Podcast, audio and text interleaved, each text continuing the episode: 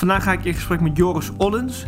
Joris is historicus van uh, ja, vroegmoderne, moderne tijd uh, aan onder andere de Universiteit van Amsterdam. En hij is uh, een jaar of tien geleden gepromoveerd op het eerste parlement van Nederland, namelijk de Nationale Vergadering. Die heeft gezeten van 1796 tot 1798. En ja, dit is een onderwerp wat mij erg dicht aan het hart ligt, omdat ik op dit moment een masterscriptie schrijf die er zeker veel mee te maken heeft. Dus nee, net als in de vorige aflevering vond ik het wel heel erg leuk om in gesprek te gaan met historici die uh, nou, nog veel dieper in die periode zitten en die daar even enthousiast, zo niet uh, enthousiaster van worden dan ik zelf. Dus dat was heel leuk om wat meer uh, specialistische reeks van, van drie te hebben. En ja, en als je eenmaal langer in de onderwerp zit, dan komen er in ieder geval, wat ik heb, komen alleen maar meer vragen bij. En ik was heel blij dat iemand als Joris de meest specifieke en obscure vragen kon beantwoorden. Dat zie je ook een aantal keren horen terugkomen in de podcast. Goed, ik merk nu al dat ik er vooral heel erg enthousiast van word en eigenlijk voor de rest weinig inhoudelijk uh, daaraan toe te voegen heb. Dus door naar de podcast.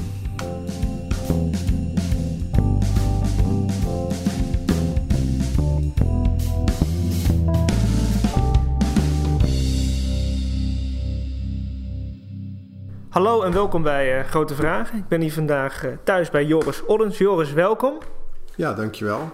Joris, uh, wij gaan het vandaag hebben over de Nationale Vergadering, het eerste parlement van Nederland. dat is zowel de titel van het boek als wat jij erover hebt geschreven, ja, als een, een functionele omschrijving van wat het eigenlijk is. Dus dan heb ik om te beginnen twee vragen. ja, wat, wat is de Nationale Vergadering precies en hoe is het zover gekomen in jouw leven dat je daar zoveel mee bezig bent geweest?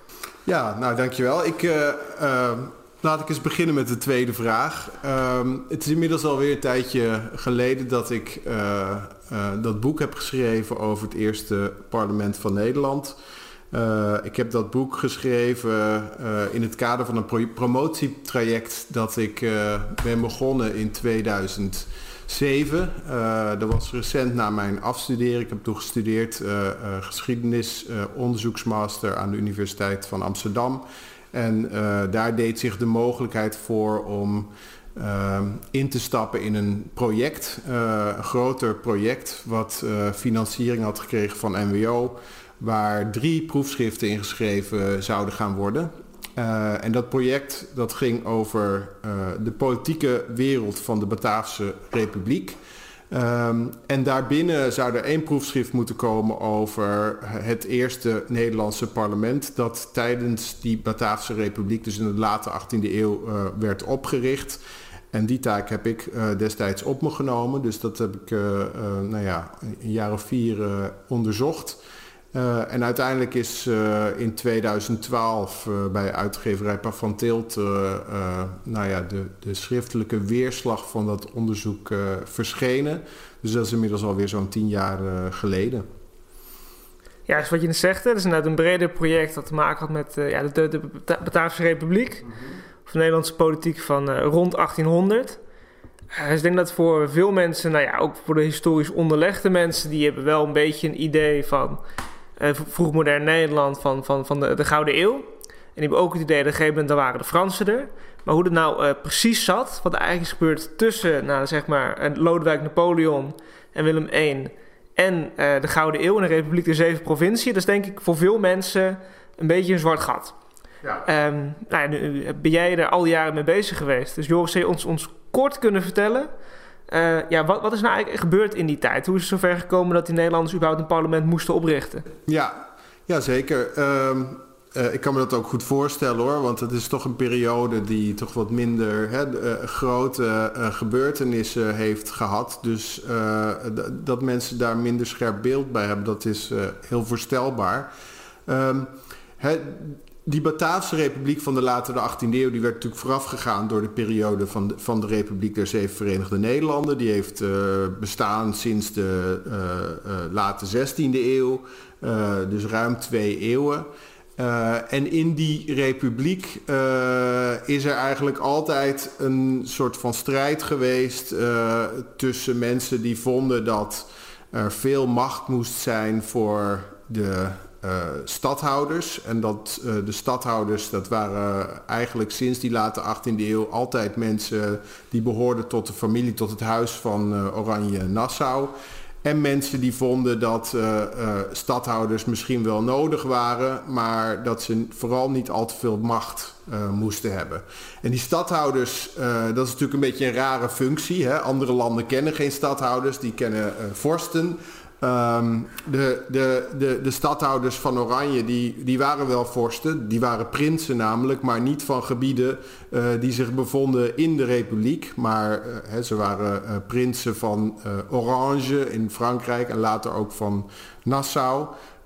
en, en die stadhouders die hadden dus een soort van uh, in theorie althans uh, functie van dienaar. Ze dienden de verschillende gewesten van de republiek als uh, militair opperbevelhebber en dus als stadhouder. En dat betekende dat ze allerlei verschillende bevoegdheden hadden. Bijvoorbeeld het benoemen van mensen op lokaal niveau, lokale bestuurders.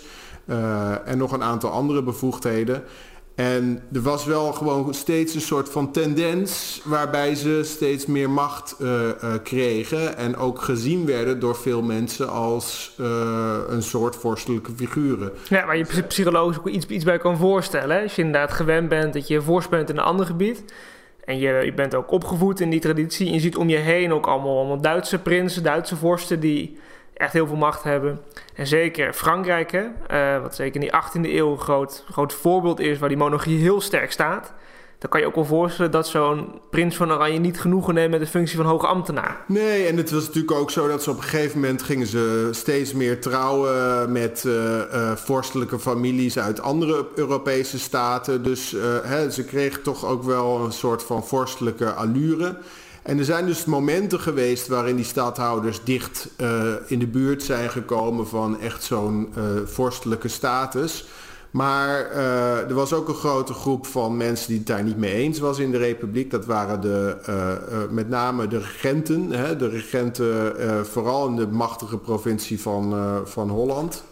en, en die uh, dat waren de mensen die eigenlijk het stedelijke bestuur vormden in de verschillende steden. En ook de boven lokale uh, politieke vergadering, de gewestelijke vergadering, de Staten-Generaal in Den Haag, uh, en die wilden juist die starthouder kort houden. En dat is eigenlijk in, de, in, de, in die hele geschiedenis van de Republiek um, een soort van strijd geweest. Uh, die op verschillende momenten, crisismomenten, eigenlijk tot, uh, tot soort van uitbarsting is gekomen. En uh, nou ja, een van die momenten, misschien het meest bekende moment, is het, het rampjaar 1672. waar er nu ook veel over te doen is, omdat het 350 jaar geleden was, dat rampjaar. En dat rampjaar ging eigenlijk vanaf, vooraf aan uh, iets wat de, mensen, de meeste mensen ook wel iets zal zeggen, namelijk de eerste stadhouderlijke uh, tijdperk. Uh, dat is een tijd die, die is begonnen in, in, in, het jaar 1650 en rond het begin van de jaren 1650. En eigenlijk uh, uh, het gevolg was van zo'n moment waarop een stadhouder probeerde uh, veel macht naar zich toe te trekken. Die stadhouder was Willem II.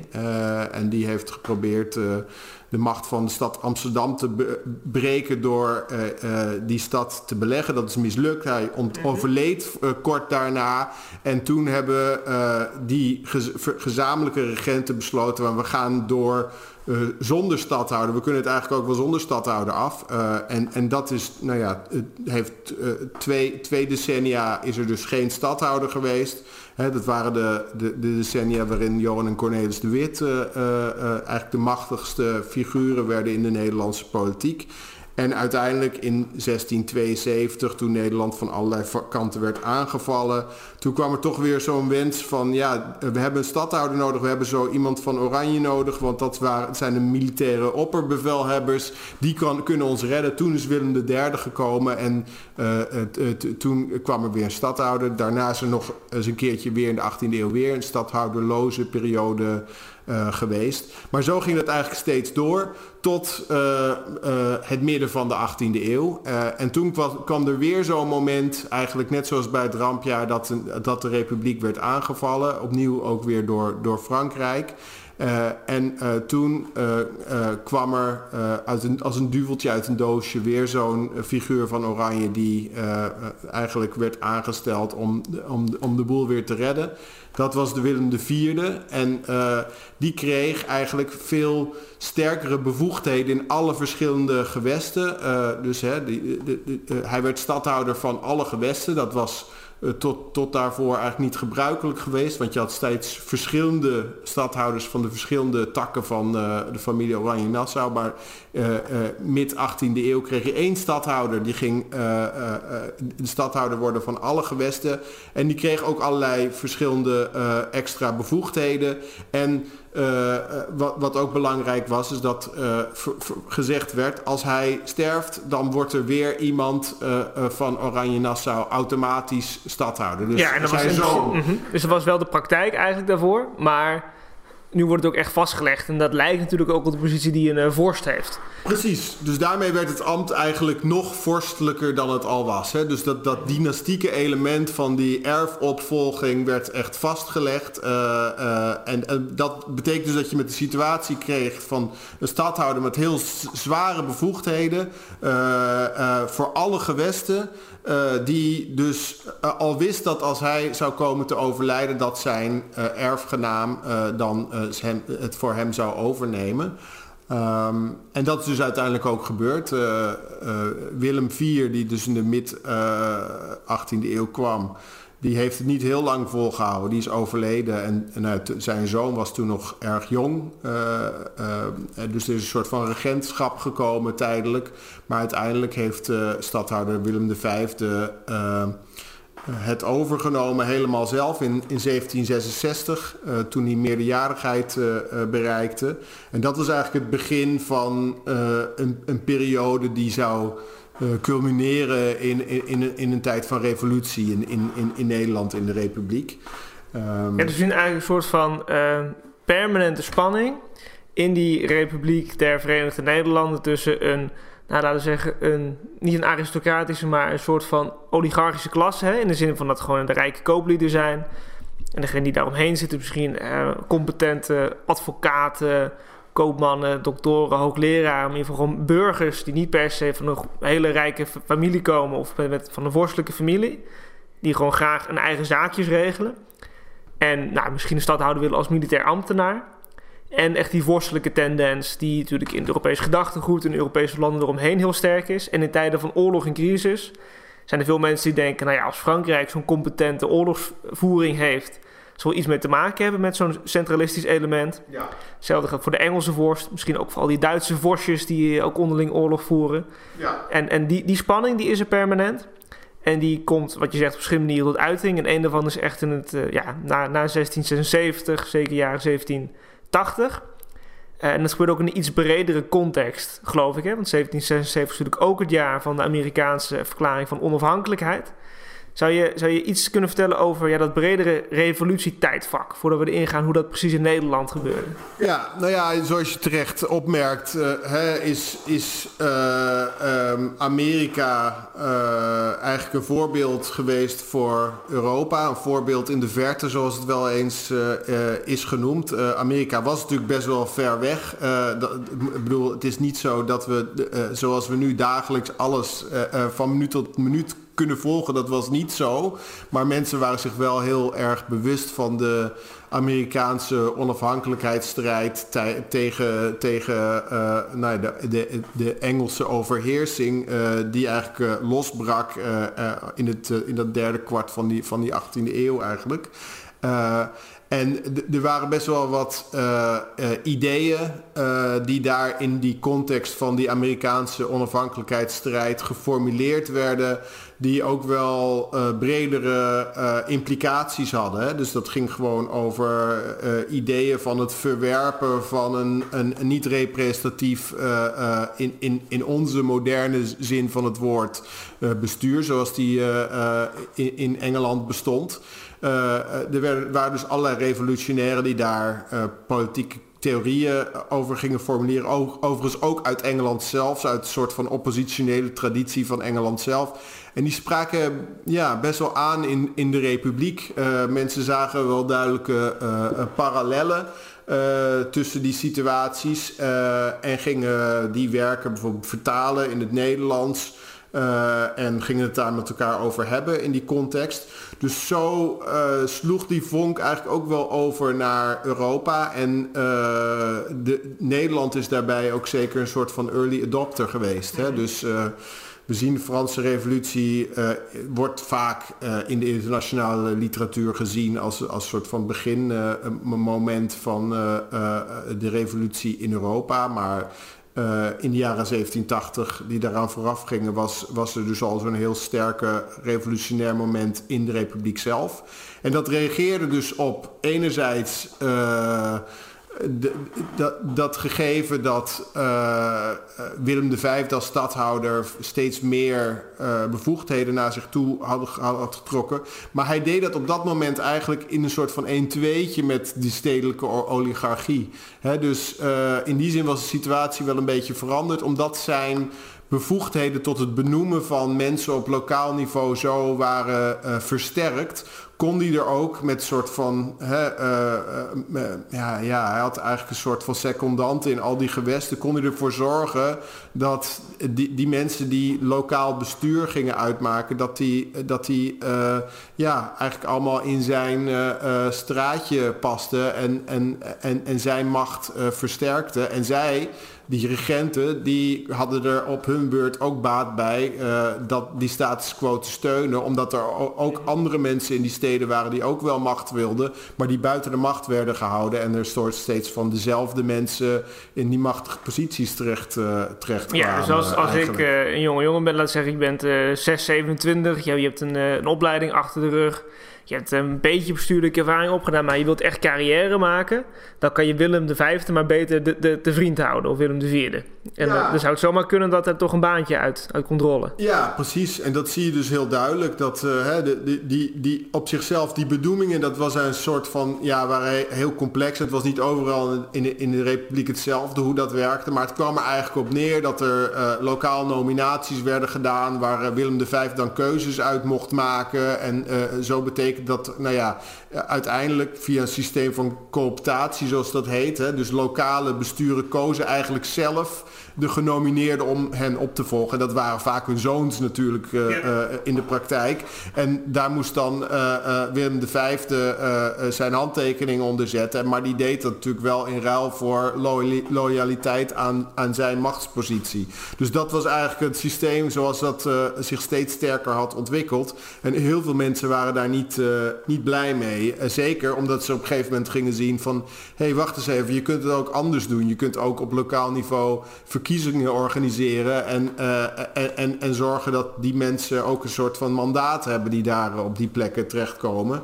Dat zagen ze zoals dat bijvoorbeeld in Amerika dan werd gedaan. Dus uh, ja, die ideeën die drongen steeds verder uh, door. En dat is iets wat eigenlijk in de jaren 1780 tot, een, ja, tot een uitbarsting kwam. Ja, dus die Willem V wordt een beetje een spin in het web van al die benoemingen.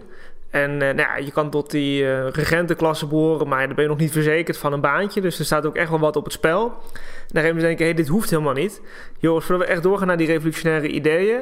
Uh, ik ga me al heel lang af hoe het nou precies zit met, met die regenten en de verhouding tot andere burgers. Mm -hmm. Want kijk, wat een beetje het standaard verhaal is over bijvoorbeeld de revolutie in Frankrijk. Hè, van je gaat van een standenmaatschappij, dus je hebt gewoon die hele burgerij, je hebt de adel en je hebt, je hebt, je hebt de priesters. En die burgerij wordt een beetje buiten de macht gehouden. En daarna is het eigenlijk meer een burgersamenleving. Maar dat verhaal gaat denk ik in Nederland veel minder op. Dan heb je al veel langer een republiek. Je hebt al veel langer dat de burgerij echt de dienst uitmaakt. Ja. En ik heb een beetje idee dat in de 17e eeuw van ja, je moet wel. Ja, je, moet, je moet niet een ongeletterde boer zijn, maar er is wel socia meer sociale mobiliteit uh, dan in misschien om, omliggende, omliggende landen. Dat je inderdaad jezelf omhoog kan werken, weet ik veel, bij de Heren 17 terechtkomt of in het stadsbestuur.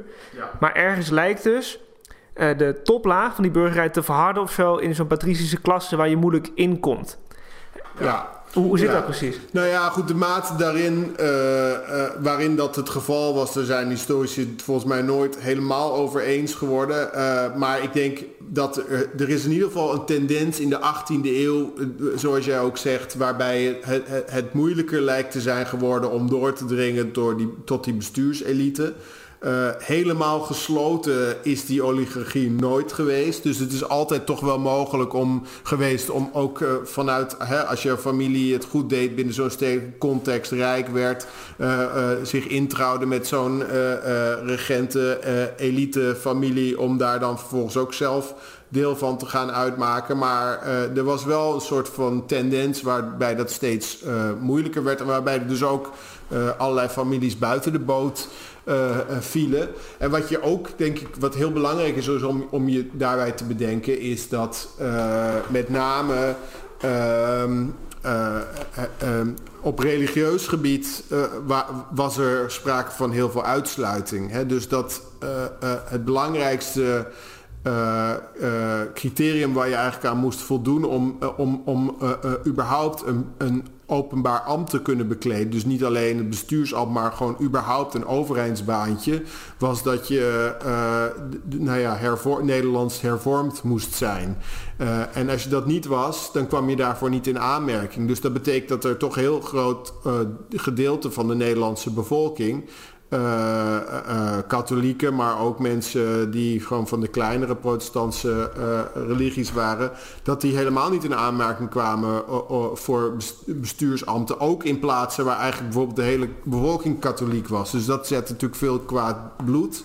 Um, en dat is ook iets wat, uh, uh, nou ja, uiteindelijk uh, gewoon een belangrijke eh, drijvende kracht is geweest van, van die Nederlandse revolutie. Hoewel je zou kunnen zeggen dat aan het begin van die periode van revolutie, dus die, die jaren 1780, dit toch nog vooral eerst begon als een soort van uh, klassieke, uh, zoals we dus in de geschiedenis van de Republiek al eerder hebben gezien, een klassieke uh, strijd van mensen die buiten de boot waren gevallen. En, en, nu, en nu dacht van nu is het een keertje onze beurt om ook, om ook te mogen regeren en zich dus ook richten tegen uh, die hele kliek van Stadhouder de Vijfde en, en de zittende, uh, zittende regenten. Ja, dus dat is niet per se echt een fundamentele herziening in de vorm van... oh, en nu gaan we alles anders doen. Maar meer het openbreken van, van ja, de bestuurlijke lagen die er zijn. En ook nog expliciet terugverwijzen naar een oude model. Ik wil dus tussendoor nog even zeggen van... Ik vind dat wel zo'n grappig beeld dat je misschien laat in Den Bosch of zo of Breda, dat je dan, weet ik veel, die, die top 5, ja, die 5% protestanten hebt die de dienst uitmaken over de rest. Dat doet me ook een beetje denken, ik, ik weet niet of die vergelijking ergens op slaat, Joris, maar in de situatie in Engeland die tijd. Maar is het ook zo dat je als je bij die Anglikaanse kerk hoort, dan, nou, dan kon je wel in die posities komen, maar de rest niet. En dat is dan niet zo'n, ja, voor de meeste mensen geen gigantisch probleem in het grootste deel van Engeland zelf. Natuurlijk in zo'n gebied als Ierland. Mm -hmm. Ja, dan heb je natuurlijk uh, ja, maar een paar protestanten en heel veel katholieken. En dat geldt misschien in Brabant en Limburg in Nederland ook. Hè? Want voor mij is 70, 80 procent Nederlands hervormd in, in veel gebieden. Ja. ja in Brabant is dat, uh, weet nee, ik. maar dat is zeker zo. Dus er waren hele gebieden in, in, in, in de Republiek uh, waarvoor dat gold. En daarnaast had je natuurlijk, hè, als je het voorbeeld van Brabant neemt... Uh, was dat natuurlijk altijd. Uh, Brabant was geen gewest, was geen provincie. Ze hadden geen vertegenwoordiging in, in, in de Staten-Generaal op landelijk niveau, zoals de zeven Verenigde Provincies dat wel hadden. Het was eigenlijk een soort wingewest. He, dus die mensen waren niet alleen onderdrukt als katholieken, maar ook omdat ze helemaal geen, uh, uh, uh, geen vertegenwoordiging hadden. en dat gold dus ook wel, dat gold dus ook zelfs voor de mensen die daar zitten, zaten als, als protestanten. In, in, in die besturen van die steden in Brabant dat die niet op eenzelfde manier uh, deel konden uitmaken van die landelijke regentenelite als de mensen die dat via de geëigende kanalen konden doen in de westelijke staten van hun, van hun provincies. Oh, dan zou je bij uitstek verwachten dat die mensen kijken naar de situatie in de Verenigde Staten. Hè? Waar ze natuurlijk ook zeggen van no taxation without representation. Van ja, we, zitten, we zijn helemaal niet vertegenwoordigd in het parlement. Nee, ja. nee nou ja, dus dat, is, hè, dat, dat, dat speelde wel mee. Maar je moet ook wel tegelijkertijd bedenken dat natuurlijk um, um, een gewest als Brabant door die situatie uh, was wel een beetje uh, ja, achterlijk. Uh, in, de, in de zin dat er waren natuurlijk bloeiende steden zoals Den Bosch bijvoorbeeld. Maar de, er was uh, daaronder zat, hè, er was wel misschien een minder grote laag van mensen die, die gestudeerd hadden, die politiek geschoold hadden, die uh, ook dat, dat, kapitaal hadden om sociaal of politiek activistisch te kunnen zijn. Ja, kijk, ik moet me niet voorstellen dat hele Brabantse platteland, dat die echt op, op de voet volgen wat er nou precies in de Verenigde Staten gebeurt. Nee. En dat dan de, de Federalist Papers lezen en denken, oh ja, nee, verrek, dat gaat, dat gaat ook over ons. Nee. Nee, dat gaat misschien iets te ver. Ik wil even teruggaan naar wat je, iets wat je eerder zei. Hè? Namelijk aanvankelijk dat het niet eens zozeer die nieuwe ideeën zijn, maar eigenlijk een heel klassiek beeld. Uh, kun je daar iets meer over vertellen? Want toen ik het boek ook, uh, ook las, dat ik over heel veel van deze dingen, die, die lijken op wat ik tegenkom uh, teksten uit, uit de oudheid eigenlijk. Hè? Van de, de deugdzame burger die in het bestuur en in het leger van zijn, zijn stad of zijn gemeenschap het algemeen belang behartigt. Ja, ja. dat is niet een... ja, dat, dat is niet een nieuwe gedachte nee, nee, dus, dus je ziet, wat je ziet, dat zie je dus ook in die Amerikaanse revolutie uh, wel, is dat er altijd een soort van hele interessante mengeling ontstaat tussen uh, uh, heel oude en heel nieuwe denkbeelden, die ook niet zo makkelijk uit elkaar te trekken vallen. Hè? Dus een goed voorbeeld is dus van, nou ja, de, een van de weinige teksten uit deze periode die iedereen wel kent, uh, of waar iedereen wel eens van heeft gehoord, is uh, Aan het Volk van Nederland van Johan Derk van de Kapelle. Dus dat is echt een, een, een pamflet dat is verschenen aan het begin van wat we dan de, de, de patriottenopstand zijn gaan noemen later in de jaren 1780.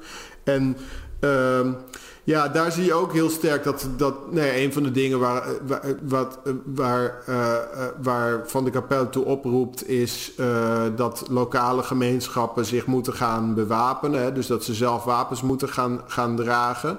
Uh, en dat is heel erg een, uh, uh, wat, wat je noemt klassiek republikeins ideaal. Dus de wapendragende burger dat is bijvoorbeeld het ideaal wat we nu ook nog steeds eigenlijk in, in het ehm, grondwetsartikel in de Verenigde Staten er, er de legitimering biedt voor mensen om te zeggen dat ze wapens mogen dragen. Nee, precies. Dat, het gaat niet over de jacht of zo. Of het nee. gaat niet alleen over de jacht. Het gaat ook niet alleen over zelfverdediging. Het gaat echt over het vormen van een militie ja. die een, een corrupte staatsmacht tegen zou kunnen houden. Ja, dus, de, dus dat, daar riep uh, Van de Capelle heel erg toe op. En, en uh, hij deed dat ook zich beroepende op uh, ja, werken die, die verwezen naar de situatie in de oudheid. Maar tegelijkertijd was het natuurlijk iets wat ook heel sterk in de geschiedenis van de Republiek altijd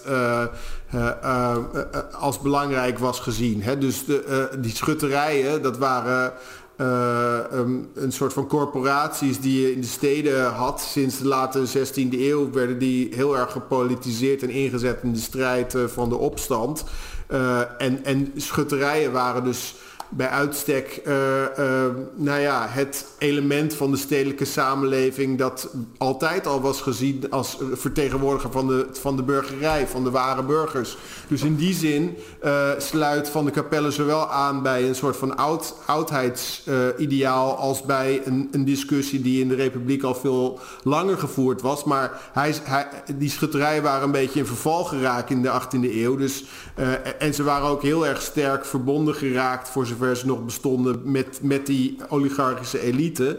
Dus waar hij en anderen ook in die beginfase van die patriotentijd toe oproepen is van... Uh, ja, we moeten los van dat stadsbestuur zelf weer milities gaan oprichten... Uh, die, die, die, die ware uh, democratische waarden vertegenwoordigen. Dat is wel heel interessant, hè? want wij zien denk ik tegenwoordig het Amerikaanse idee van wapenbezit echt als iets van typisch daar. Hè? Van de, de right to keep and bear arms. Van ja, gekkigheid die ze daar ooit bedacht hebben in de grondwet en sindsdien niet meer vanaf zijn geweken. Maar dus in, in vrijwel dezelfde periode, want die grondwet is opgesteld in 87, 88 en, en bekrachtigd in 89 in de VS zien we dus ook in de jaren 1780 in Nederland ook een heel sterk ideaal van, van het recht om wapens te dragen en, en, en de, de, de plicht om het ook te doen. Ja, en het stond uiteindelijk, hè, we, uh, uh, uh, verderop in dit proces hebben we ook de eerste Nederlandse grondwet gekregen in 1798. En daar staan ook formuleringen in die heel vergelijkbaar zijn met, met die in de Amerikaanse constitutie. Uiteindelijk is het anders gelopen, maar als wij nog steeds die grondwet van de Bataafse Republiek hadden gehad dan zou dit misschien ook nog steeds een punt kunnen zijn geweest waar mensen zich op beroepen. Hè, dus ehm, dat, dat is toch wel interessant wat je dus ja, op een gegeven moment gaan mensen zich zo ingraven in die formuleringen van zo'n grondwet die is voortgekomen in een tijd waaruit, waarin mensen heel anders over dat soort dingen nadenken, waarin de politieke realiteiten ook heel anders waren. Um, en dat, dat, nou ja, dat, dat, dat is het gewoon min of meer toevallig dat dat alleen in Amerika zo'n continue lijn is gebleven natuurlijk. Ja, überhaupt het zich beroepen op zo'n zo'n grondwet, hè, want in Nederland, en je ziet het wel meer gebeuren, ik denk ook onder Amerikaanse invloed, hè, dat als je altijd series kijkt waar je beroept op de Constitution, dat je ook vanzelf denkt, hoe zit dat hier eigenlijk? Maar we hebben eigenlijk voor mij internationaal vergeleken relatief zwakke grondwet. In de zin van ja, je mag niet een normale wet toetsen aan, aan, aan de grondwet en dergelijke. En je ziet mensen zich ook niet heel vaak op beroepen. Maar het had ook zo kunnen zijn, inderdaad, misschien die grondwet van 1798, dat die sterker was gebleven, dat je een vergelijkbare cultuur, politieke cultuur zou hebben gehad als in de, de, de VS. Nee, precies. dat, kijk, dat, dat, dat, het, dat, dat, die, dat het zich in Amerika zo heeft ontwikkeld dat uh, die, die grondwet een bijna mythische status heeft gekregen. Dat hangt uh, samen met een, een politieke cultuur en de hoe die zich ontwikkelt, maar het hangt ook samen met dat het eigenlijk nooit veranderd is. Hè? Dus wij hebben zoveel grondwetten op een gegeven moment achter elkaar gehad. Ja, dan ga je toch ook een beetje uh, de relativiteit van zo'n grondwetstekst uh, inzien. Dus dat is, ja, zoals het in Amerika is, had het hier nooit kunnen, zich kunnen ontwikkelen. En ook niet in een land als Frankrijk, denk ik. Dat nog wel veel sterker dan Nederland natuurlijk uh, de, de Franse revolutie als beginpunt ziet, maar niet zozeer per se uh, die grondwet of de meerdere grondwetten die in die tijd in Frankrijk nee, precies. Op het moment dat, dat, dat de norm elke keer verandert, dan is de norm duidelijk een product van de sociale omstandigheden. En als die norm weet ik, 250 jaar hetzelfde blijft, dan krijgt hij vanzelf iets van een, van een eeuwigdurende en daarmee belangrijkere status. Ja, ja, ja. Zeker. Ja, voor de komende stuk, ja, dus het, het, het grijpt dus terug op, op oudere idealen. Hè? Uh, maar er gebeuren, er gebeuren ook allemaal nieuwe dingen. Dat vind ik wel heel interessant. En met name eigenlijk hoe de, het idee van de representatieve democratie opkomt. Hè? Want democratie zelf is een veel ouder begrip. Er zijn de Grieken heel veel mee bezig. Uh, hoofdzakelijk van wat er niet aan klopt overigens in de meeste boeken. Maar dat, dat kennen ze al heel lang. Uh, maar die representatieve democratie, dat is echt wat nieuws. Zou je kort kunnen ja, vertellen hoe dat opkwam en, en welke mate dat ook verschilde van wat je in de oudheid had?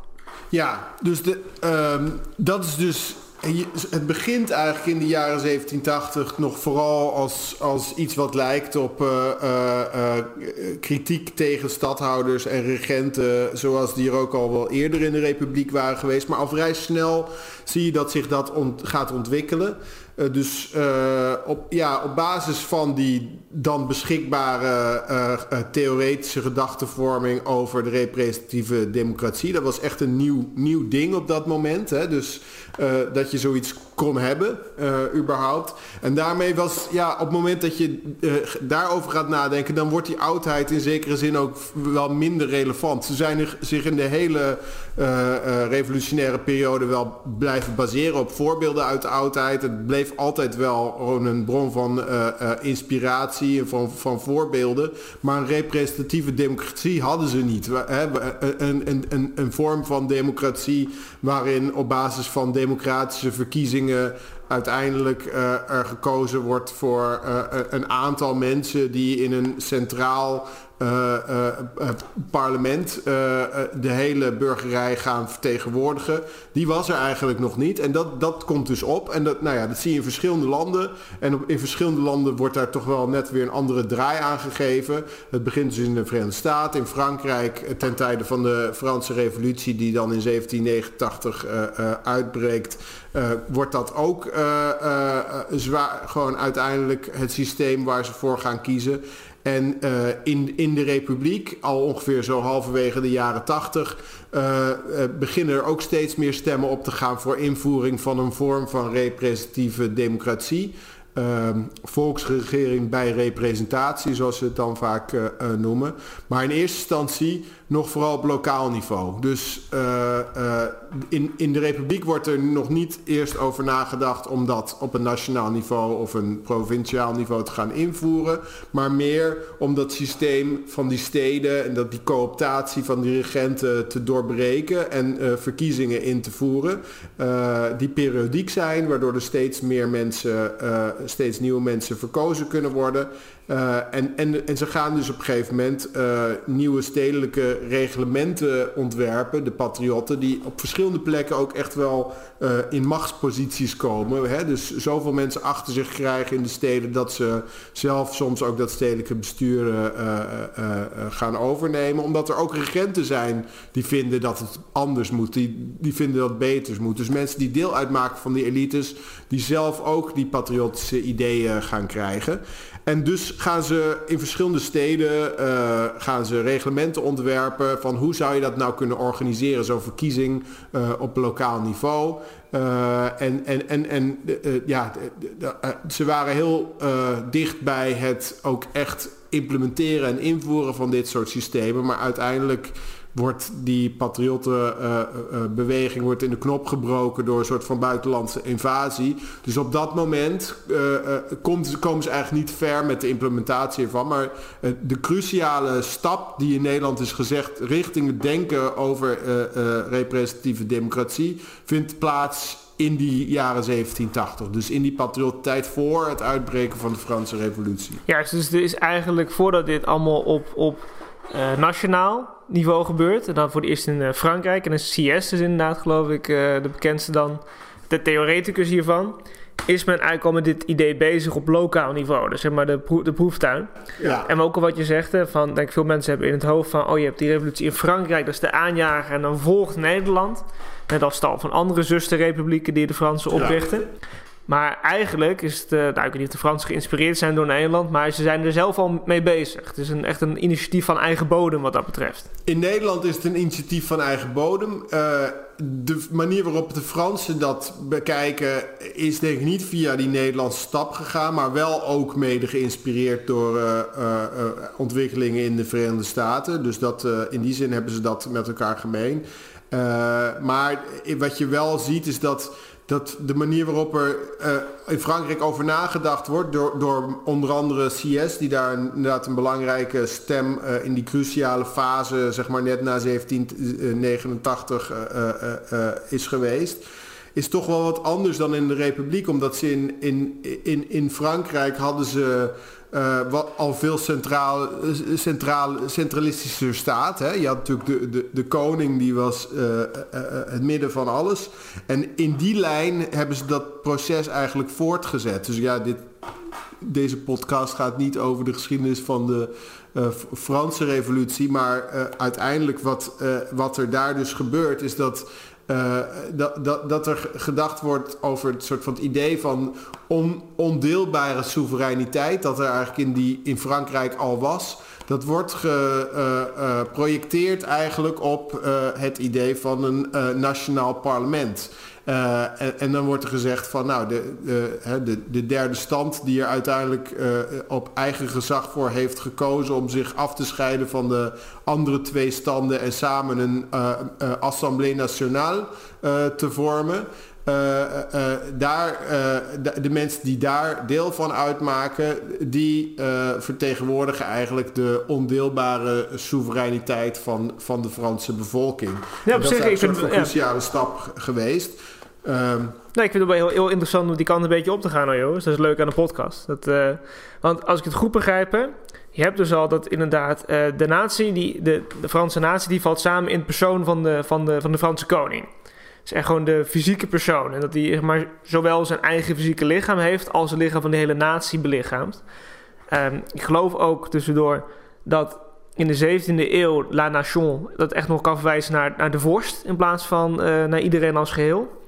En jij zegt, het is eigenlijk dat idee wat ons heel vreemd aandoet. Van ja, hoe kan die koning nou een heel, uh, heel land fysiek vertegenwoordigen? Dat idee wordt een soort van omgevormd naar de derde stand. En dan is, lijkt het eigenlijk hetgeen wat wij nu hebben. Namelijk een parlement wat het land als geheel vertegenwoordigt. Begrijp ik dat goed?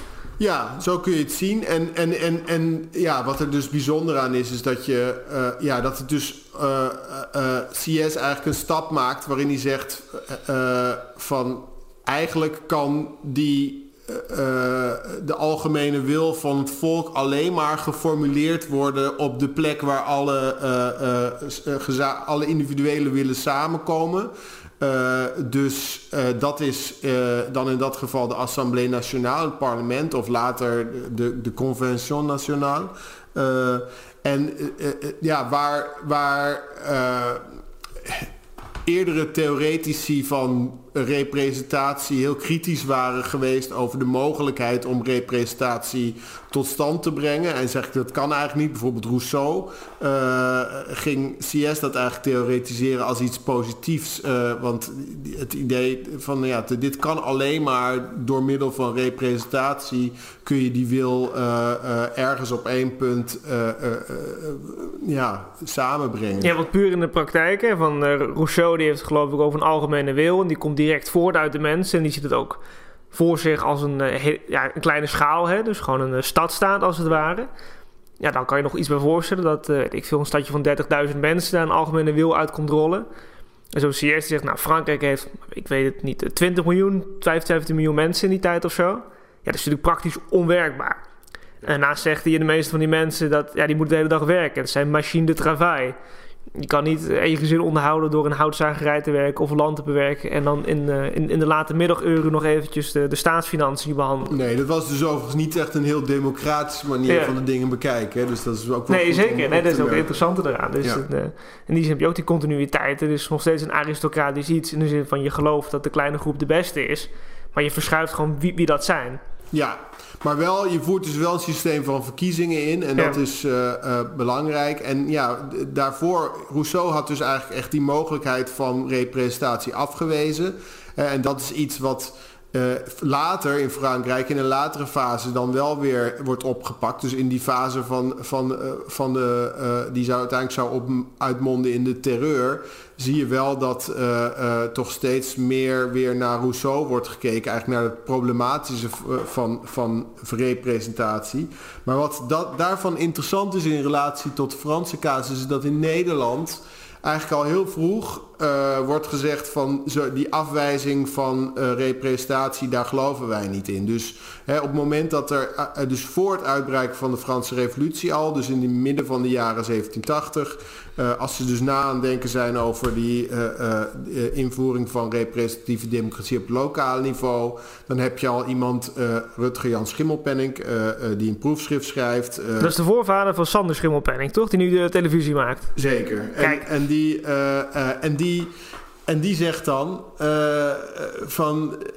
Ik heb dat wel gelezen, wat Rousseau erover schrijft, maar ik ben het niet, niet mee eens. Ik denk dat het wel degelijk mogelijk is om uh, te zeggen van de, de volkssoevereiniteit, de soevereiniteit die blijft bij het volk. Uh, uh, dat was dan een belangrijk inzicht. Die is onvervreemdbaar. Hij moet altijd bij het volk blijven. Rousseau conclu concludeert eruit. Daarom kun je dus eigenlijk geen representatief systeem hebben. Maar, maar Schimmelpenninck zegt dat kan best. Je kunt namelijk best de uitvoering van die uh, soevereiniteit delegeren aan een, uh, uh, aan een politieke vergadering.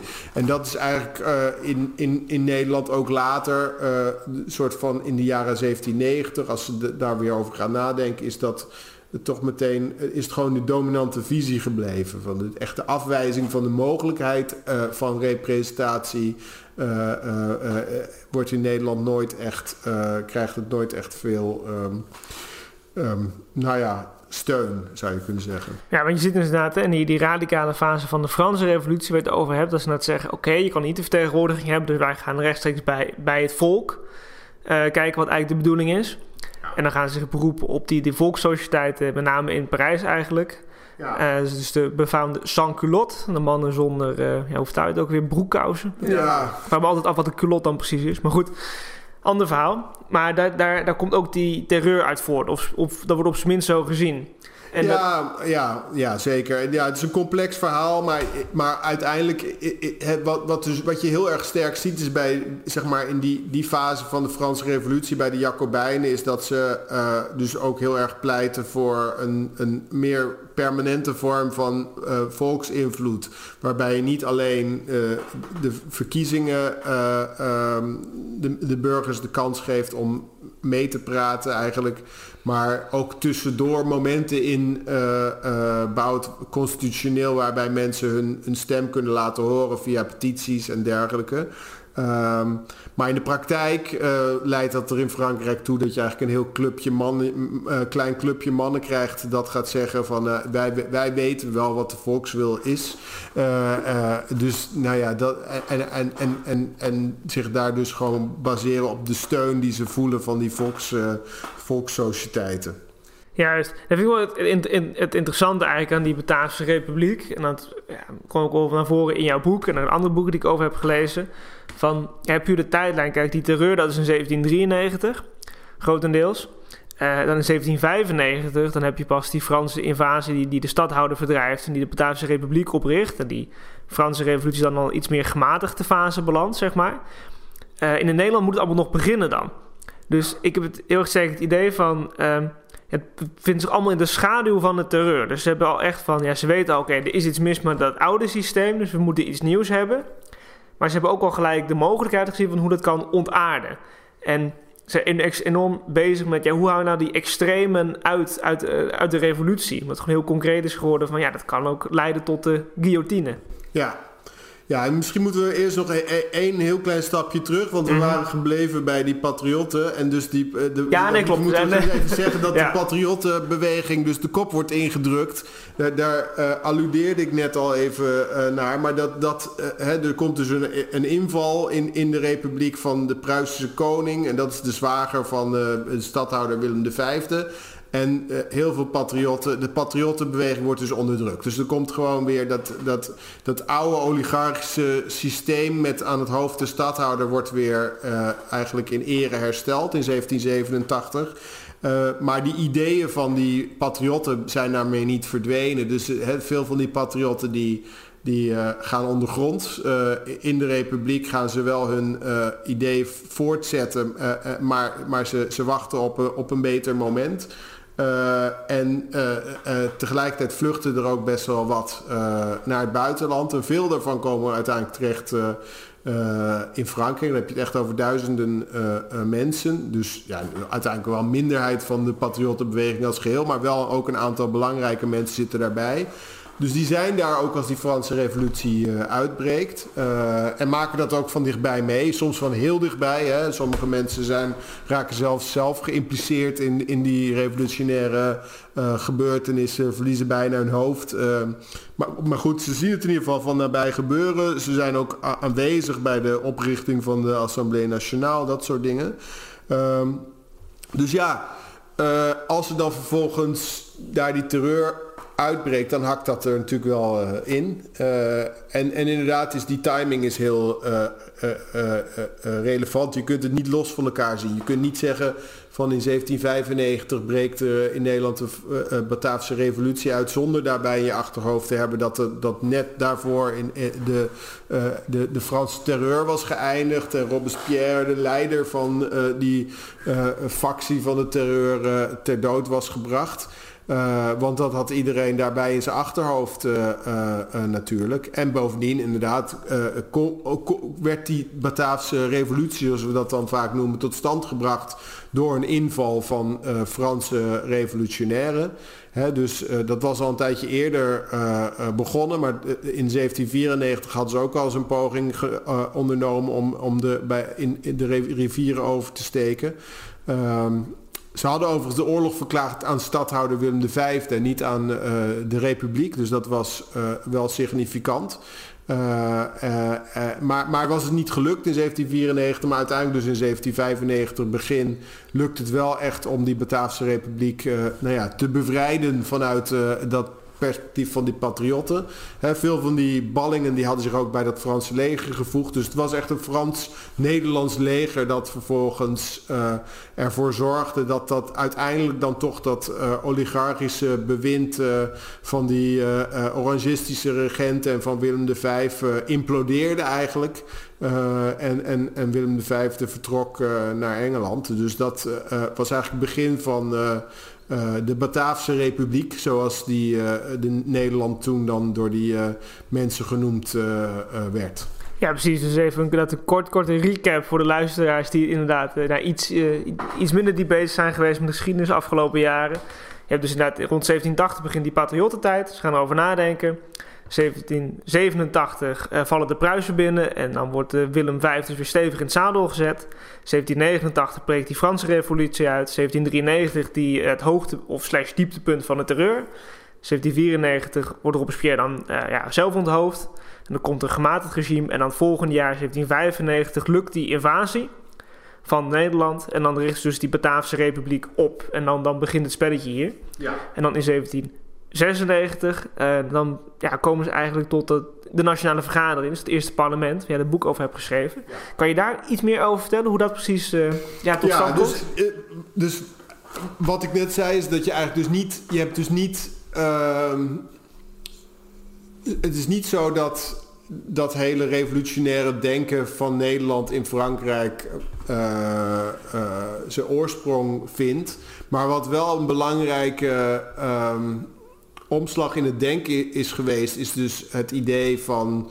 Um, wat in Nederland dan kwam te heten eenheid en ondeelbaarheid. Hè? Dus um, het, het, denken dat eigenlijk uh, dat democratische hervormingen eigenlijk gekoppeld moeten worden aan een, uh, de vorming van een eenheidsstaat.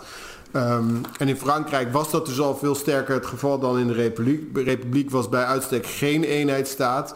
Maar de mensen die uh, in in, in de jaren 1780 nog hadden gevonden dat, dat je uh, vooral die uh, democratie op lokaal niveau moest invoeren en vervolgens dat de rest van het systeem eigenlijk uh, intact moest houden.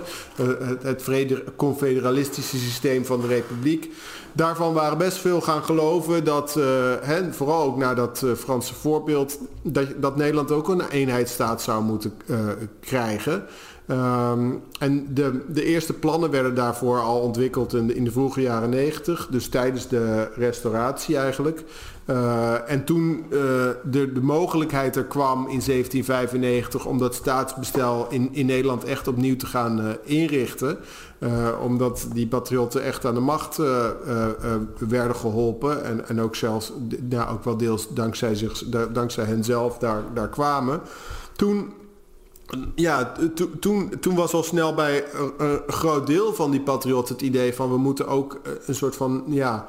Uh, dat anders gaan organiseren. En we moeten dus uh, ook verkiezingen gaan organiseren op gewestelijk niveau, waar, ze mee begonnen, en ook uiteindelijk op nationaal niveau.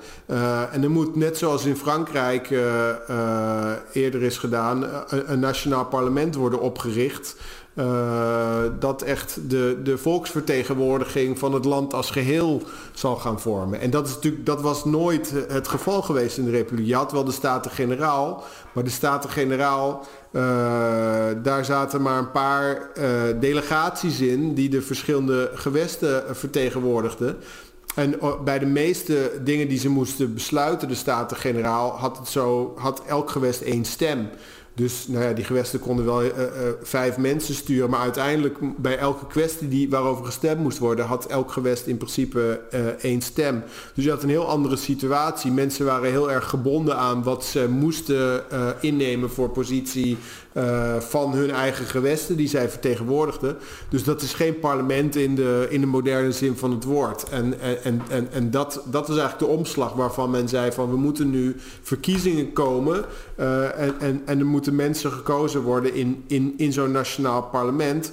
En die moeten zelf uh, uh, zonder last of ruggespraak, uh, zoals het dan genoemd werd, kunnen besluiten over alle mogelijke kwesties die ter tafel komen in dat parlement. Ja, dus het is echt een fundamenteel andere benadering. Hè? Dus het eerste is meer van, ik, ik vertegenwoordig iets in, in een breder overleg Op de manier dat je nu ook Nederland kan vertegenwoordigen in de Verenigde Naties, hè? Of, uh, of, of, of, Rwanda of uh, Oeganda, of noem het maar op.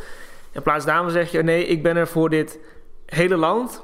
En ik ben hier niet met een bepaalde missie heen gestuurd, behalve dan het zo goed mogelijk dit land besturen. En daarvoor kiezen we een aantal mensen uit en die gaan dat dan op de beste manier doen. Ja, precies. Dus het is uh, uh, wat je zegt eigenlijk in, die Staten-Generaal waren het meer een soort van ambassadeurs, gezanten eigenlijk van die gewesten. Uh, zo zou je het kunnen zien. En, en, en zo'n soort van parlement waarbij je mensen het mandaat geeft om, om dingen te besluiten die je niet van tevoren hebt voorgekoud. Dat is een fundamentele omslag. Ja, en wat ik heel interessant vond, want dat, dat klinkt heel modern. Maar je ziet ook nog dat het vermengd is met heel sterke theoretische ideeën over de verhouding tussen eh, representatie en volkssoevereiniteit. Waardoor er allemaal ideeën in zitten. En niet alleen in Nederland, maar gewoon breder in die late 18e eeuw, die voor ons heel bizar klinken. Bijvoorbeeld het geloof dat je. Uh, dat het volk eigenlijk geen fout kan maken in het aanwijzen van de beste vertegenwoordigers. Of, en, wat ik nog interessanter vond, want dat, ja, dat is echt heel anders dan we nu hebben dat men eigenlijk ook niet gelooft dat je legitieme partijen kan hebben. En als je dan een partij hebt, dan is dat een partij die eigenlijk het ware nationale belang uh, vertegenwoordigt. Dus dan is er ook geen legitieme oppositie. Nee. Ja, dat is heel anders. Zou je daar iets meer over kunnen vertellen? Ja, dus goed. Uh, het eerste punt, wat was het eerste punt ook alweer? Laat ik daar eerst even iets over zeggen. Het eerste punt was um, een soort van onfeilbaarheid van het electoraat in het kiezen van de beste vertegenwoordiging. Nou ja, precies. dat is wel interessant om mee te beginnen, omdat het is natuurlijk ook wel logisch. Want als je, uh, ja, als je pleidooi moet houden voor het invoeren van zo'n nieuw systeem, uh, ja, dan moet je natuurlijk wel het zo voorstellen dat, uh, dat dat een beter systeem is. Dus ja, hoe doe je dat? Door te zeggen van ja, uh, als je. tot dan toe was er altijd een enorm wantrouwen geweest tegen uh, het uh, geven van keuzerecht aan grote groepen burgers. En dan ga je dan omdraaien. Dus dan ga je ook jezelf wijsmaken dat als, als, je, als je het aan zo'n groep overlaat, dan, dan nemen die eigenlijk per definitie de beste beslissingen. Zo, zo, dus was het ook voordat die, dat systeem echt in de praktijk werd op, op ingevoerd, werd dat gewoon zo getheoretiseerd. Maar ja, als je dan vervolgens het echt gaat invoeren, dan, uh, dan zie je dus toch dat er allerlei besluiten worden genomen door, of keuzes worden gemaakt uh, die, die, waar in ieder geval niet iedereen het mee eens is. Dus dan kom je toch wel ja, met een soort van weerbarstige praktijk. En daar daar moet je dan natuurlijk iets mee. Hè? Dus daar, moet je, daar, daar, moet je op de een of andere manier, die moet je een plaats weten te geven. En dat proces, dat is dus helemaal aan het begin van de invoering van zo'n representatieve democratie plaatsvindt. Dat is een heel interessant uh, uh, proces. Uh, en eigenlijk ook wel een beetje daarmee samenhangt is natuurlijk dat je gewoon, um, ja, de, het feit dat die partijen niet als legitiem werden gezien. Hè? Dus er was heel veel van die ideeën die eigenlijk eh, komen uit de tijd van de Republiek of nog ouder zijn, die speelden nog wel door. Dus uh, in, in, er was altijd een heel sterk besef geweest dat in politieke vergaderingen dat, dat er gewoon een soort van wel in ieder geval naar buiten toe eenheid uitgestraald moest worden. Dus in die Staten-Generaal ging het, ja, het werd eigenlijk altijd besluitvorming bij consensus gedaan. Of althans, er was natuurlijk geen consensus. Maar dit is wel in de besluitvorming. Je ziet eigenlijk alleen maar het eindproces. Wat, het enige wat ze bekend maakten waren de besluiten. En dan lijkt het alsof ieder besluit unaniem uh, was genomen. Dat ze heel bang waren om te laten zien dat er ook soort van uh, verschillende uh, ideeën waren. Of verschillende kampen waren. Uh, en heel erg dat idee van eenheid wilde uitstralen. Dus dat, dat op het moment dat ze daar, daar zo vertrouwd mee waren, op het moment dat je dan alles publiek gaat maken, want dat deden ze in de Bataafse Republiek. Hè. Ze gooiden alles open. Uh, de, de zittingen van dat nieuwe parlement die zouden openbaar zijn, maar er werd ook verslagen van gepubliceerd. Dan zie je opeens uh, dat mensen heel erg met elkaar gaan clashen. En ja, dat verhoudt zich ook best slecht tot het idee dat uh, burgers altijd uh, uh, tot de meest geschikte keuze komen van hun volksvertegenwoordigers. Want hoe kan het dan verklaard worden dat die zo verschillende ideeën hebben over dingen? Dus nou ja, dat zijn voor ons dingen die heel normaal zijn en vanzelfsprekend. Maar op het moment dat je daar voor het eerst mee geconfronteerd wordt en het enige wat je tot dan toe kent is het soort van het ideaalplaatje dat soort van voorstanders van zo'n nieuw bestel hebben geschetst dan is het toch wel even slikken. Het is wel grappig inderdaad. Maar ja, ja, ik me ook wel af in, in hoeverre mensen daar dan echt in, in geloofden. Want je denkt inderdaad van ja, oké, als jij nou een systeem hebt bedacht, maar het is nog nooit in de praktijk uitgevoerd. Ja, goed, het loopt natuurlijk altijd anders dan je had verwacht. Maar goed, dat is natuurlijk iets wat, zich veel vaker herhaalt. Ja, nou ja, ja ik, dat is wel een goede vraag. Uh, ik bedoel, er zijn natuurlijk, ja, ze hadden ook wel gezien dat het in Frankrijk allemaal niet zo uh, goed liep. Dus het is niet zo dat, we, dat ze natuurlijk voorkomen naïef in dat proces stapten. En er zijn ook heus wel mensen die daar uh, cynischer over waren dan anderen. Maar je moet toch wel een soort van intrinsiek geloof hebben in zo'n systeem. Als je er zo voor wil inzetten dat dat wordt ingevoerd. Dus dat, nou ja, dat is wel interessant. Uh, ja, verschillende mensen zullen daar ook verschillend mee zijn omgegaan, denk ik. Goed, Joris, voordat we echt gaan afronden, ben ik eigenlijk wel heel benieuwd of, uh, want jij hebt hier natuurlijk een aantal jaar bij hier echt ingedoken. Ben je nou heel anders gaan kijken naar het functioneren van de, de Nederlandse Tweede, Tweede Kamer? Want je hebt natuurlijk heel die persoon in zo'n parlement gezeten. Met welke bril kijk jij nu gewoon naar moderne politieke discussies en hoe het allemaal gaat, hoe het allemaal loopt? Wat, wat, ja, wat valt jou dan op? Nou ja, wel een aantal dingen. Het eerste is dat ik eigenlijk niet meer... Ik kan niet goed naar kijken zelf. Uh, want ik ben zo, in die, uh, uh, zo diep in die parlementaire debatten gedoken, best wel lang, dat ik ja, soort van ergens een soort van allergie heb ontwikkeld voor al die retorische trucjes die daarin zitten. Dus dat ik, nou ja, ik vind, ik, ik vind het ik, ik, kijk het, ik, bekijk, ik vind het moeilijk om het inhoudelijk te bekijken. Ik bekijk het eigenlijk altijd vanuit het soort van uh, politieke spelaspect uh, en, en die parlementaire cultuur. Um, um, en, en dat, uh, ja, dat, dat, dat, dat is voor mij best wel lastig. Ik denk ook dat. Uh, nou ja, het is moeilijk te beoordelen. We hebben natuurlijk niet, hè, we hebben geen soundbites, we hebben niet die mensen zien spreken. We, we, zien alleen maar hun speeches.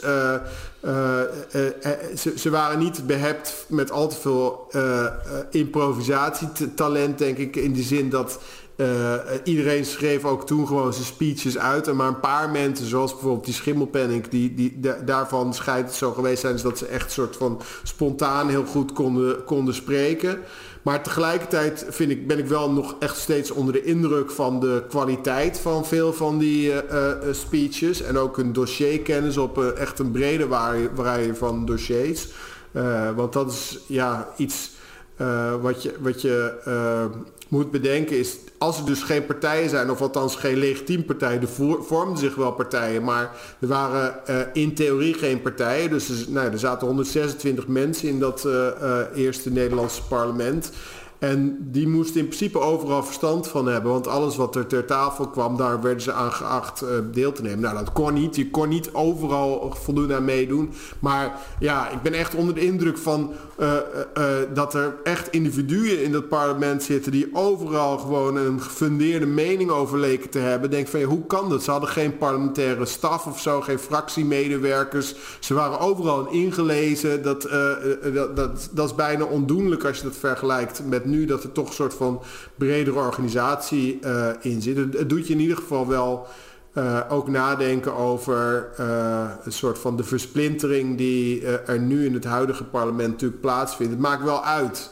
Hè? Gewoon of je allemaal eenmansfracties hebt of, of of, uh, of uh, gro grote partijen waarbij dat is wel je grappig, want, kunt verdelen. Maar je hoort inderdaad vaak van ja, het argument voor waarom het goed is om zo'n partij te hebben, is dat je dan in zo'n zo'n fractie kan je de taken verdelen. Hè? Dus weet ik veel, ik heb 30 VVD'ers en jij doet veiligheid en dan doe ik milieu en et cetera, ja. et cetera. En dan zeggen van ja, die, die, die, die eenpitters, die eenmansfracties, ja, dat kan dan nooit wat worden.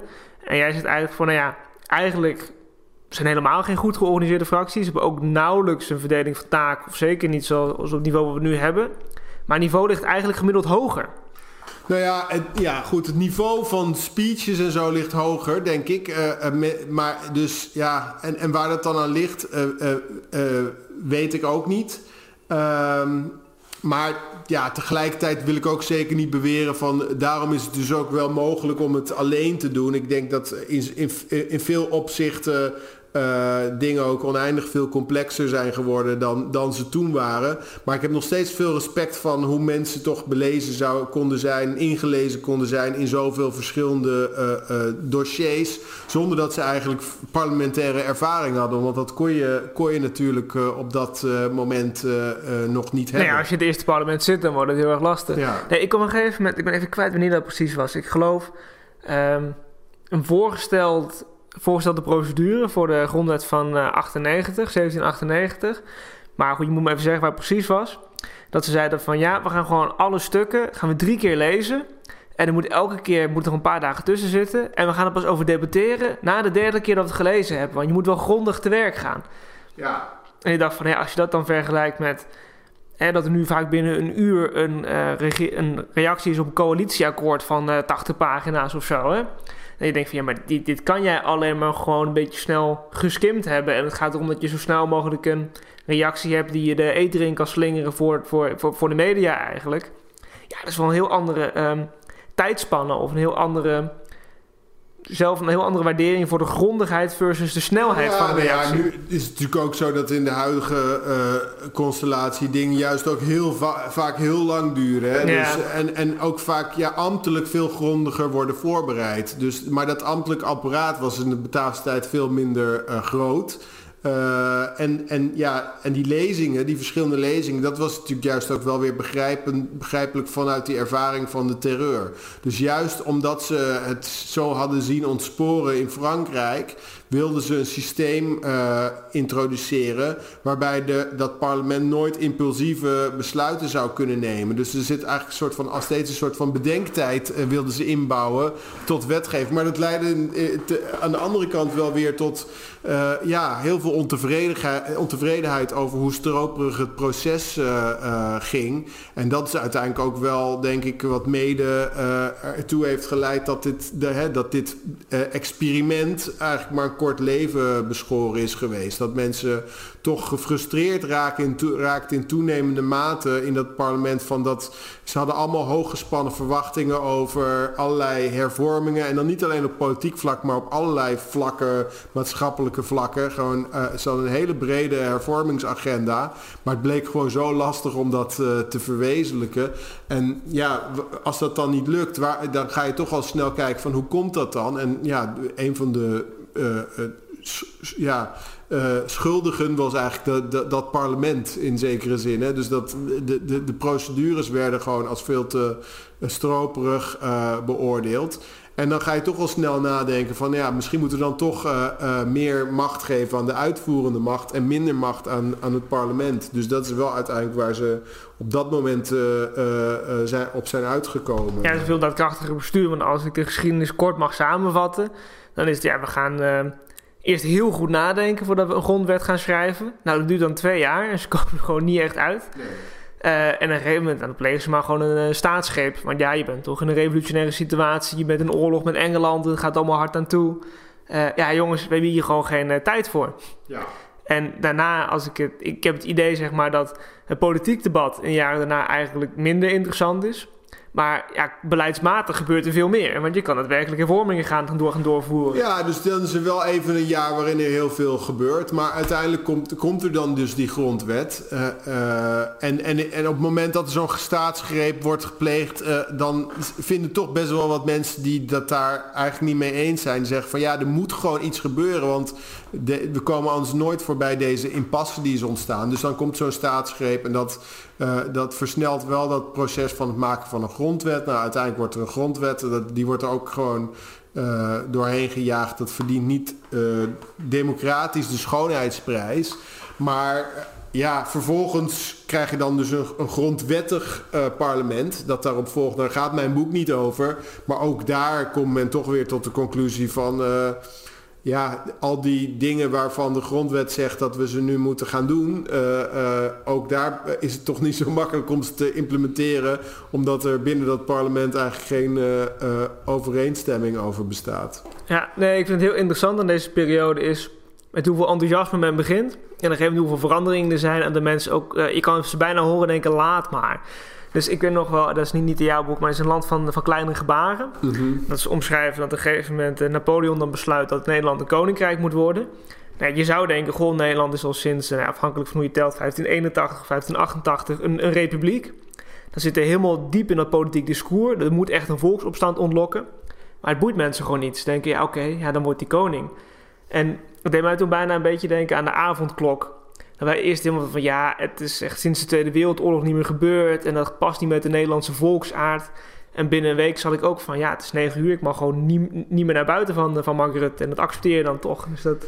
Ja, nou ja, en, maar goed, eh, je moet denk ik wel een onderscheid maken tussen verschillende geledingen in de samenleving daar, daarvan. Hè. Dus de mensen die zelf erbij betrokken waren op beleidsniveau en de mensen die het maar gewoon ondergaan natuurlijk. En die eerste groep, uh, daarvoor geldt voor een deel ook wel dat ze uh, al gefrustreerd waren geraakt over dat zij bepaalde beleidsdoelstellingen hadden die ze maar niet verwezenlijk kregen. Dat, dat ze dan dachten van nou, laten we dat in godsnaam dan maar met een koning doen, want dan lukt het ons misschien wel. Dus zijn enerzijds waren ze in dat proces gestapt vanuit een heel uh, uh, republikeinse overtuiging. Maar dat was, dat, dat, dat, dat was maar een deel van hun hervormingsagenda. En als al die andere onderdelen gewoon staken, ja, dan denk je van op een gegeven moment gaan, gaan die beleidsdoelen misschien wel de overhand krijgen. Uh, dus zo, ja, zo is dat ook wel een beetje gegaan. Ja, uiteindelijk zit je toch in de politiek om dingen voor, voor elkaar te krijgen. En niet om de mooiste, het mooiste debatclubje te hebben. Nee, nou ja, er waren gewoon een aantal mensen die bezig waren met uh, fundamentele kwesties. Zoals zeg maar de af, afschaffing van het gildenstelsel. De invoering van een uh, nationaal belastingstelsel. Allerlei dingen waarvan het gewoon steeds maar niet lukte om ze gedaan te krijgen. En die zagen in, in zo'n nieuwe koning wel een bondgenoot. Goed, Joris, lijkt me een mooie plek om te eindigen. Nog uh, ja, twee laatste vragen eigenlijk. Eén, is er nog iets uh, wat, wat, je de luisteraars wil meegeven over, over, over deze periode waar we het niet over hebben gehad? Nou, ik ben nu eigenlijk, dit was dus tien jaar geleden verschenen. Ik ben nu uh, nou ja, sinds een aantal jaar eigenlijk meer aan het kijken naar uh, de, de, meer de, de, de, dimensie van de volksstem. Hè. Dus dit ging echt over het parlement. Uh, ik ben nu onderzoek aan het doen al een tijdje naar uh, de vele petities die in deze periode werden ingediend. Verzoekschriften bij, bij dat nationale parlement, maar ook bij de koning en ook bij provinciaal bestuur en ook bij het lokaal bestuur. Dus dat is onderzoek wat ik uh, hoop binnenkort tot een afronding te brengen. Dus nou ja, watch this space. Precies, nou gerelateerd aan mijn tweede vraag. Uh, Joris, als mensen geïnteresseerd zijn in dit onderwerp en over jou, jouw opvatting en onderzoek daarover, ja, waar kunnen ze jou dan vinden? Nou, ik werk uh, bij het Huygens Instituut uh, van de KNW in, in Amsterdam. ik heb ook een sociale media presentie. ik ben actief op Twitter. dus mijn profielpagina is gewoon online te vinden. De meeste van mijn publicaties zijn ook gewoon via verschillende kanalen online beschikbaar. Uh, dus uh, ik nodig uh, de luisteraars van harte aan om uit om daar eens, naar te kijken. Top, nou daar kan ik aan toevoegen. Ik heb, ik, heb, je boek gelezen. Pioniers in schaduwbeeld over het eerste parlement. Vandaag in, in, in de trein de laatste pagina's uitgelezen. Ik kan het iedereen aanraden. Als je dit interessant vindt, echt een, een deep dive in hoe het precies allemaal, allemaal werkte. weet je al hoe je nieuw boek gaat heten? Ja, ik denk het wel, maar ik ga het hier nog niet Oké, dat is geheim. Dat is geheim. Dus helaas geen primeur voor grote vragen. Maar uh, houd het in de gaten, er komt wat aan. Joris, ik wil je hartelijk uh, bedanken voor het interview. Ik vond het leuk om te doen. Ja, ik vond het ook een leuk gesprek. Uh, het was ook leuk om weer eens terug te keren naar dit soort dingen... waar ik toch een tijd lang best wel veel over nagedacht heb... en die nooit helemaal uit mijn gedachten verdwenen zijn... maar soms wel wat meer op de achtergrond zaten. Dus het is wel aardig om dat weer eens een keertje met jou en je goede vragen op deze manier uh, te bespreken. Dankjewel. Dit was Grote Vragen. Heel erg bedankt voor het luisteren. Voordat ik afsluit wil ik graag nog Koen de Boer bedanken voor het maken van de muziek en het editen van de podcast. Meer van zijn muziek kunt u vinden in de show notes. Mocht je nou denken, goh wat een leuke podcast, dit moeten mijn vrienden ook horen. Hou die gedachte vast. Je kan de podcast delen op Facebook, LinkedIn, waar podcasts tegenwoordig ook worden gedeeld. Of gewoon mond-op-mond reclame. Nogmaals, heel erg bedankt voor het luisteren en hopelijk tot de volgende keer.